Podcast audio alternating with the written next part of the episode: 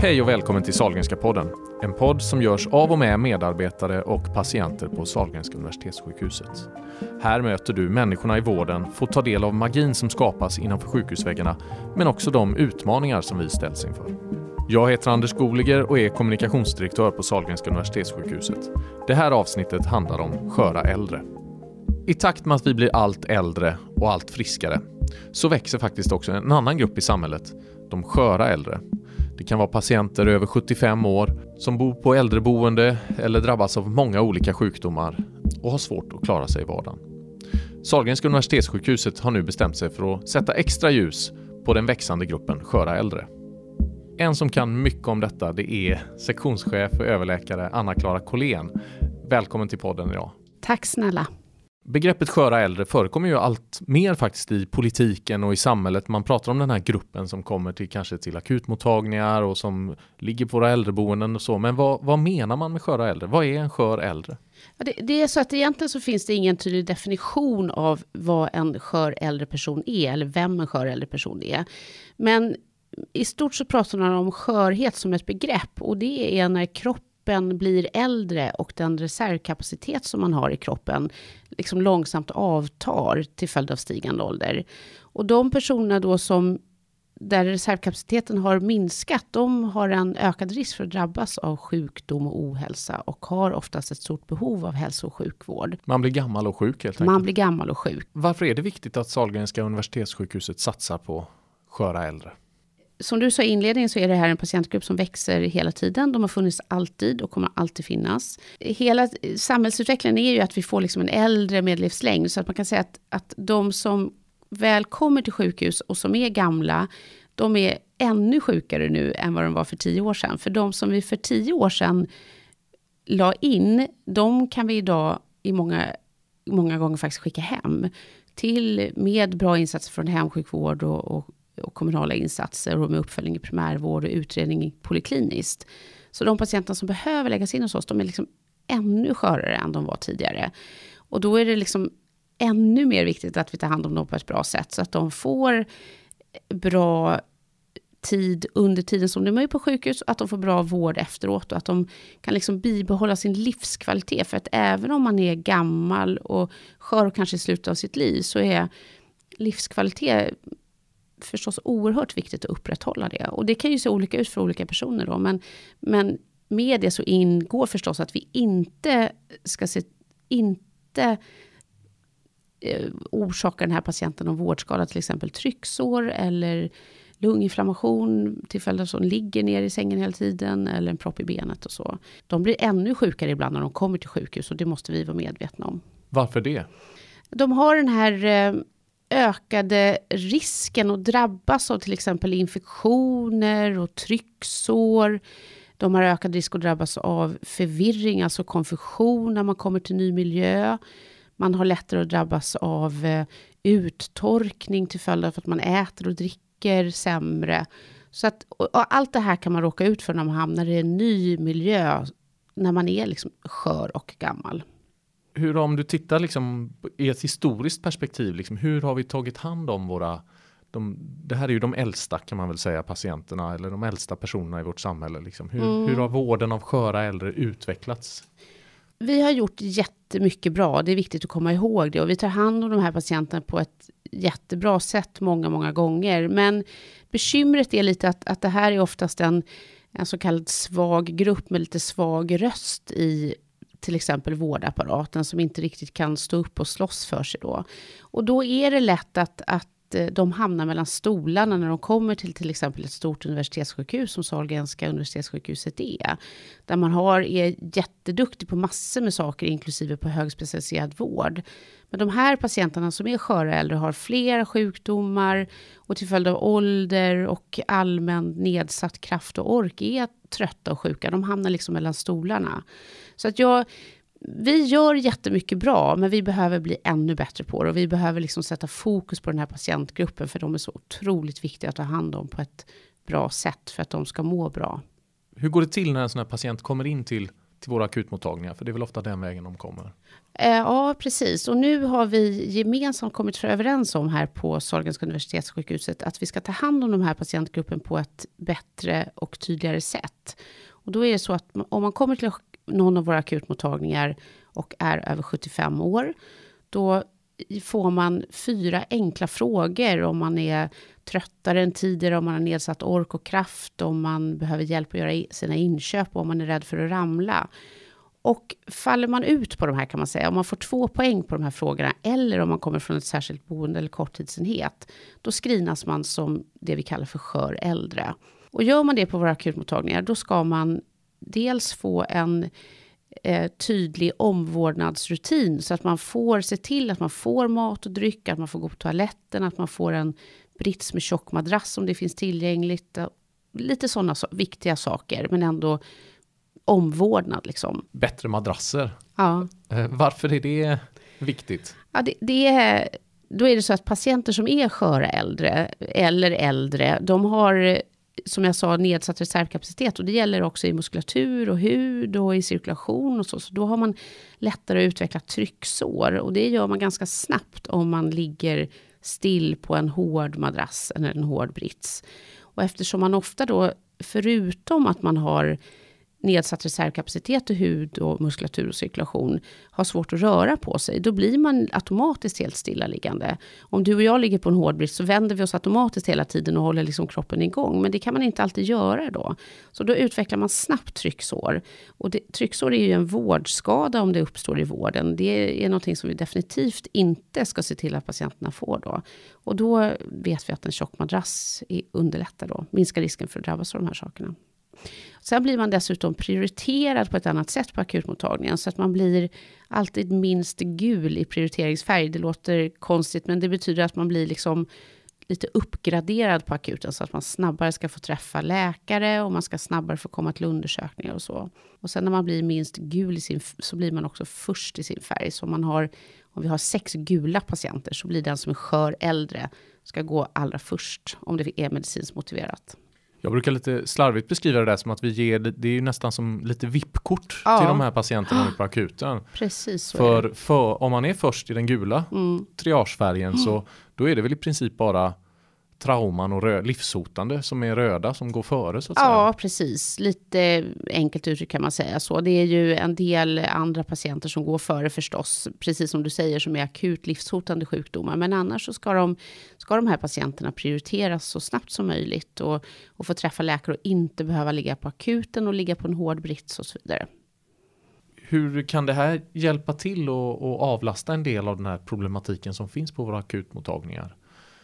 Jag tänker om man blir screenad som skör äldre så är ju tanken att man ska prioriteras först i sin färg och, och eh, komma snabbast till avdelning till exempel. Och det är liksom nästa steg i, vår, i vårt arbete nu kring skör äldre kan man säga. Och det är klart att ju kortare tid den här patienten är på akutmottagningen, desto bättre är det för akuten, så kan man enkelt säga. Det låter lite krast, men visst är det så. För att den här patientgruppen är ju oftast i behov av mer omvårdnad, mer tillsyn, mer insatser även på en akutmottagning i väntan på nästa steg där då.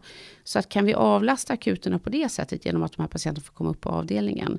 Och då kan man ju tycka att eh, komma upp på, men då kommer vi öka belastningen på avdelningen. Men eh, där tror jag att, att eh, när vi väl lanserar eh, en rutin för omvårdnad på, på vårdavdelningar så kommer det också kunna hjälpa till i vården av de här patienterna då. Och de mår mycket bättre på en vårdavdelning än nere på en oftast ganska stökig akutmottagning kan man säga. Det är en ganska stor förändring, inte det? Eller förbättring för den här gruppen? Ja, vi hoppas ju på det. Och arbetet har ju liksom dragit igång ordentligt nu under hösten 2018. Så det är ju lite tidigt att säga än så länge om det har några effekter och så. Och dessutom så, eh, så ska vi ju liksom lansera det här begreppet stort över hela SU nu. Så att eh, det tar lite tid säkert innan allt är inarbetat. Men men ju mer vi pratar om den här gruppen och ju mer vi fokuserar på det, desto snabbare kommer arbetssättet att bli etablerat. För i media kan man ju ibland läsa om det här att äldre hamnar på akuten, de ligger väldigt länge och det är ju precis den här gruppen vi pratar om och nu precis liksom gör ett, tar ett tag om så att ja, säga. Ja, precis, precis. Och det är jätte, en jätteviktig fråga för alla i samhället tycker jag. Hur har det varit att jobba med det på, här på sjukhuset så att säga? Det har varit jätteroligt och är jätteroligt. Arbetet fortgår fortfarande och är intensivt och vi håller på och lanserar liksom ett litet utbildningspaket för anställda på SU och vi ska försöka få till en rutin om omvårdnad kring sköräldre när de väl kommer upp på avdelningen och så. så arbetet fortgår hela tiden.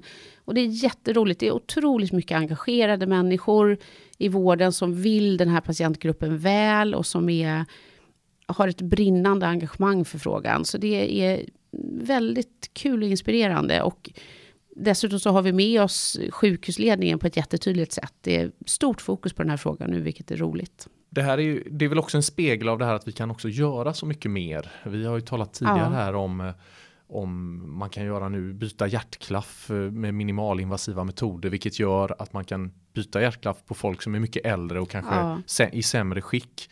Så att vi opererar idag personer som är över kanske 80. Det hade man inte gjort för 10-20 år sedan utan då var det på något sätt, då gjorde man inte så mycket ingrepp. Nej. Så det här betyder ju att förutsättningarna för att vi blir allt äldre liksom ökar ju hela tiden. Ja, det gör det ju. Det, det ökar ju också, ska man komma ihåg, andelen friska äldre. Så det är ju inte automatiskt så att bara för att man är över 75 år så är man skör, utan det är ju väldigt många som är över 75 år som är pigga och välmående och fungerar alldeles utmärkt och har många, många år kvar i livet med full funktionsförmåga och så. Så det är viktigt att komma ihåg det. Och, och, det är ju fantastiskt sjukvårdens utveckling med allt som vi kan göra även på de riktigt gamla patienterna. Men, men det gäller ju hela tiden försöka ha ett patientfokuserat perspektiv. För att alla vill inte heller bli liksom utsatta inom citationstecken för olika ingrepp som vi i sjukvården i all välmening tror kan vara bra då för även äldre patienter. Men här är extra viktigt tycker jag att, att prata med personen i fråga faktiskt som man har framför sig. Och, um, är man över 75 eller över 80 och har ett antal sjukdomar och händelser bakåt i livet så är det inte säkert att man vill eller orkar genomgå någonting trots att vi i all välmening vill att man ska göra det. Kan du inte beskriva ett par fall så att säga från din, din erfarenhet på, ute på akuten eller på, du jobbar ju på Östra till vardags. Mm, jag jobbar på strokeenheten där och det, alltså vi har ju jag kan ta ett fall till exempel som kom till akutmottagningen rätt så nyligen. En, en kvinna, knappt 80 år, med tilltagande glömska och minnessvårigheter hemma, men ändå klarade sig hyfsat med hjälp av hemtjänst ett par gånger per dag. Anhöriga bor på annan ort och patienten i fråga bor ensam då. Men eh, på hemtjänsten tyckte hon ätit och druckit sämre sista tiden, ramlat ett par gånger hemma så att de beställde ambulans och skickade in henne till akutmottagningen en torsdag eftermiddag. Och när hon träffade läkare hos oss vid kanske åtta tiden på kvällen, då var hon inte egentligen fysiskt sjuk. Hon hade ingen infektion och hon hade bra blodvärde och sånt där. Så att egentligen inget behov av, av inneliggande sjukhusvård.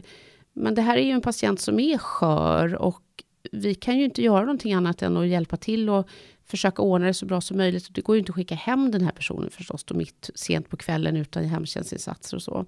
Så det är ju en väldigt vanlig patientgrupp där vi ser att egentligen så har inte hon ett medicinskt behov, hon har inte behov av sjukhusvård. Och, och som jag sa förut så riskerar ju hon att kanske till och med bli ännu sämre av att läggas in på sjukhus. Men vi har egentligen inget val här då, utan då får vi lägga in henne och så försöka ordna upp den här situationen så snabbt som möjligt dagen efter. Och där kommer du in på en av de här stora liksom, samverkan med kommunen. Mm. Där det här liksom, bryggan däremellan är väl en av våra ja, förbättringsområden men också något absolut. där det händer mycket nu. Det gör det absolut. För jag, jag sitter ju med i lite sådana samverkansorganisationer och det är jag upplever att alla parter, nu pratar jag då om kommun och primärvård och slutenvård, att att vi har alla liksom ett incitament att göra saker och ting bättre hela, hela tiden. Och det är lite krångligt för vi har olika förvaltningar, vi har olika journalsystem, vi verkar delvis under olika lagar. Så att det är inte helt enkelt, men bara det att vi träffas och försöker överbrygga de här svårigheterna och de här eh, Eh, skillnaderna gör att det hela tiden blir bättre. Och, och, kommunerna är ju angelägna också förstås om att hjälpa till och ta hem sina patienter så fort som möjligt. Väldigt många patienter vill ju bo hemma så länge som möjligt och man försöker rigga med hjälp och så. Men det är inte, det är inte alltid helt enkelt. Men, men min uppfattning är att alla försöker verkligen och, och vill göra det allra bästa för de personerna och patienterna som man har framför sig. Ibland kan det nästan kanske framstå som lite cyniskt från sjukhusvårdens sida det här med att vi, vill ni inte ha patienterna så att säga att det är det här mm. att det, det är också ofta ont om vårdplatser och, mm. men det är ju den här aspekten att det kanske inte är alltid den bästa vården. Det är Nej, kanske något att precis, utveckla lite. Precis, och det, det är ju så att många av de här patienterna, de har ju redan boendeplats kan man säga på särskilda boenden eller korttidsenhet i väntan på till exempel särskilt boende eller på ökad omsorg hemma. Och det är klart att har man ett plats på ett särskilt boende med personal som finns där och med god omvårdnad och med ändå tillgång till medicinsk hjälp med läkarkontakt och så, så, så ska det nog krävas ganska mycket för att de här patienterna ska ha nytta av sjukhusvård ovanpå den vården som de redan får då. Och där, där, är, där behöver vi nog alla bli bättre på att kunna skilja ut och vem är verkligen i behov av, av sjukhusvård. Det kanske är så att det är klart att ramlar man och bryter höften och behöver operera den, då finns det inget alternativ eller eh, ja, andra akuta sjukdomar förstås. Men, men om man är gammal och skör och bor på ett särskilt boende och kanske drabbas av en lunginflammation, då kanske man kan göra allt man kan för att hjälpa den patienten på plats redan då. Inte skicka in till sjukhus för att undvika att patienten faktiskt blir sämre till följd av till exempel förvirring. Du, var, du nämnde lite grann också, jag hoppar i återigen då, men du var ju inne på det här med att ibland kanske också svaret är kanske inte alltid mer sjukvård så att säga. Det är en annan aspekt av den här sköra äldre-problematiken. Ja. Hur, hur, hur, resonerar du där och hur funkar det? Ja, det, det, är ju jättesvårt för det, det är verkligen så att vården har utvecklats något alldeles oerhört och vi kan göra så mycket för så många. Men vi har, vi har liksom begränsade resurser. Vi har inte hur mycket pengar som helst och vi kan inte göra allt för alla. Så är det bara.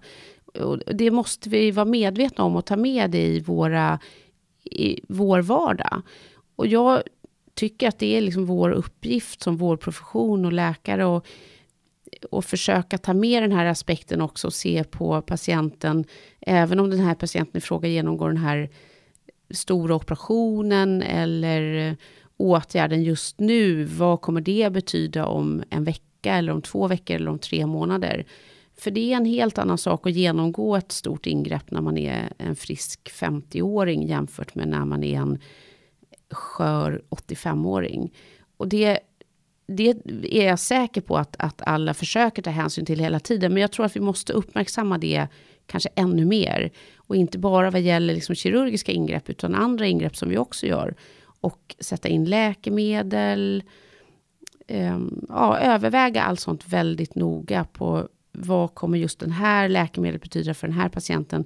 Vad kommer den här undersökningen, som kanske inte är någon fysiskt jobbig sak för patienten, men vad kommer svaret på den här undersökningen, vad kommer det innebära i nästa led då? Så vi måste hela tiden försöka tänka ett steg före, tycker jag. Och det tror jag att vi generellt behöver bli bättre på. Det är väl också en, någonstans en del av, en svår del av ditt arbete som läkare, att någonstans man säger så här, nej men det här, nu är det kanske egentligen på ett sätt bäst för den enskilda att vi, vi får stanna här. Vi kanske inte ska göra så mycket mer utan det ja. här är livets gång och det har också sitt slut på något sätt. Precis och det, måste, det är ju en ot, ett mycket viktigt samtal att föra med patient och med patientens närstående. Och jag, jag tycker att många gånger om man vågar närma sig den här frågan på ett, på ett liksom tydligt men ändå empatiskt sätt så många, många patienter som är äldre och som har drabbats av många sjukdomar, där är det väldigt många som tackar nej faktiskt till åtgärder eller där man kanske har hittat något fynd på röntgen som man egentligen kanske då skulle fundera på, är det här någonting som vi behöver driva vidare, behöver vi göra fler undersökningar? Pratar med patient och med närstående så är det väldigt många som faktiskt säger nej, jag vill inte det, jag vill det får räcka som det är nu, eller jag vill inte bli undersökt mer. Och, och det, ibland är det jättesvårt att som läkare och som vårdpersonal eh, bestämma sig för att och liksom ta ett steg tillbaka. För att vi är liksom vana att driva diagnostik och behandling och utredning vidare och försöka bota så mycket vi kan då. Så att ta ett steg tillbaka och säga att nej, men nu har vi faktiskt tillsammans med patienten bestämt att vi ska inte gå vidare. Då. Det kan vara jättesvårt för mig som läkare. Och det kan vara svårt för närstående som vill att ens mamma eller pappa ska fortsätta leva förstås. Då. Bli fixad. Och bli fixad och bli ja. som vanligt igen då. Det är inte alltid enkelt, men eh, pratar man med patient och pratar man med, med närstående så brukar man ändå kunna liksom komma fram till någonting gemensamt. Hur gör du för att ta upp de här frågorna? Om du, det kanske finns någon ung medicinstudent eller så som eh, lyssnar här på podden. Vad mm. har du mm. för råd där? Jag tar de här samtalen. Ja, det är att vara närvarande. Att, in, att våga vara kvar, skulle jag säga, i de här samtalen som kan bli jobbiga. Men att ändå... Det handlar jättemycket om mod. Och sen handlar det om, och inte bara om erfarenhet, utan att vara liksom en närvarande person på plats. Gärna de här enkla klassiska knepen att lägg bort eller stäng av telefonen så att man inte blir störd mitt i sådana här samtal. Att finnas nära, att inte, om patienten ligger i sängen, att faktiskt sätta sig på en stol bredvid, att inte liksom stå över patienten. Ha ögonkontakt, hålla i handen, eh, kanske smeka lite på kinden, försöka skapa någon slags kontakt då. Um, och som sagt, var, var modig och var kvar, även om svaren blir jobbiga och besvärliga och man kanske har anhöriga som blir ledsna och upprörda, att faktiskt eh, vara kvar i rummet och stanna i stunden. Liksom. På något sätt, ibland är det lite härda ut och det är det man får göra. Mm. Och våga stå fast. Vad säger de patienter som, eh, har du mött någon patient som, som kommer i åtnjutande av detta, som blir, som, där det funkat så att säga? Har du fått någon respons? Ibland så får vi ju sådana glädjande nyheter, till exempel man kommer till akuten med sin 88-åriga mamma och är beredd att vänta 10-12 timmar och eh, de efter redan ett par timmar på akuten får läggas in på en avdelning. Först har träffat bra kompetent personal på akutmottagningen med snabba åtgärder och kommer in till avdelningen och får, som man uppfattar, jättebra vård där. då. det är ju fantastiskt att höra de här historierna förstås då. Och det det tycker jag att vi ganska ofta träffar patienter som är jättetacksamma över vården. Och sen finns det förstås de som inte är nöjda och som har råkat illa ut. Det ska vi också givetvis ta hänsyn till. Men det är väldigt många som är nöjda och tycker att de har fått ett bra omhändertagande. Och har kanske läst lite i, i tidningar och media om att de är beredda att vänta många timmar på akuten och blir mycket positivt överraskade när det går fortare än de har trott. Då. Så det är ju jätteglädjande förstås och värmer hjärtat när man hör de här historierna. Ett fast inslag här i podden är ju eh, frågan vad skulle du göra om du var sjukhusdirektör för en dag? Jag eh, skulle se till att eh, ha en dag faktiskt med fokus på den här patientgruppen. På massor med olika sätt, med ballonger och pukor, med eh, information och utbildningsmaterial, eh, med mediebevakning och med en allmän uppmärksamhet på sköra äldre. kanske inte är omöjligt att fixa det där. Nej, det låter som en jättebra idé. Tycker det. Tack Anna-Klara Collén. Jag som har intervjuat här heter Anders Goliger och är kommunikationsdirektör på Sahlgrenska Universitetssjukhuset. Sahlgrenska podden kommer varje månad och du hittar den där du hittar poddar. Jag är nyfiken på vad du som lyssnar tycker om podden. Hör av dig till mig och berätta eller tipsa om gäster som vi borde träffa här i podden. Tack så mycket för att du har lyssnat. Vi hörs igen. Salgrenska podden, en podcast från Västra Götalandsregionen.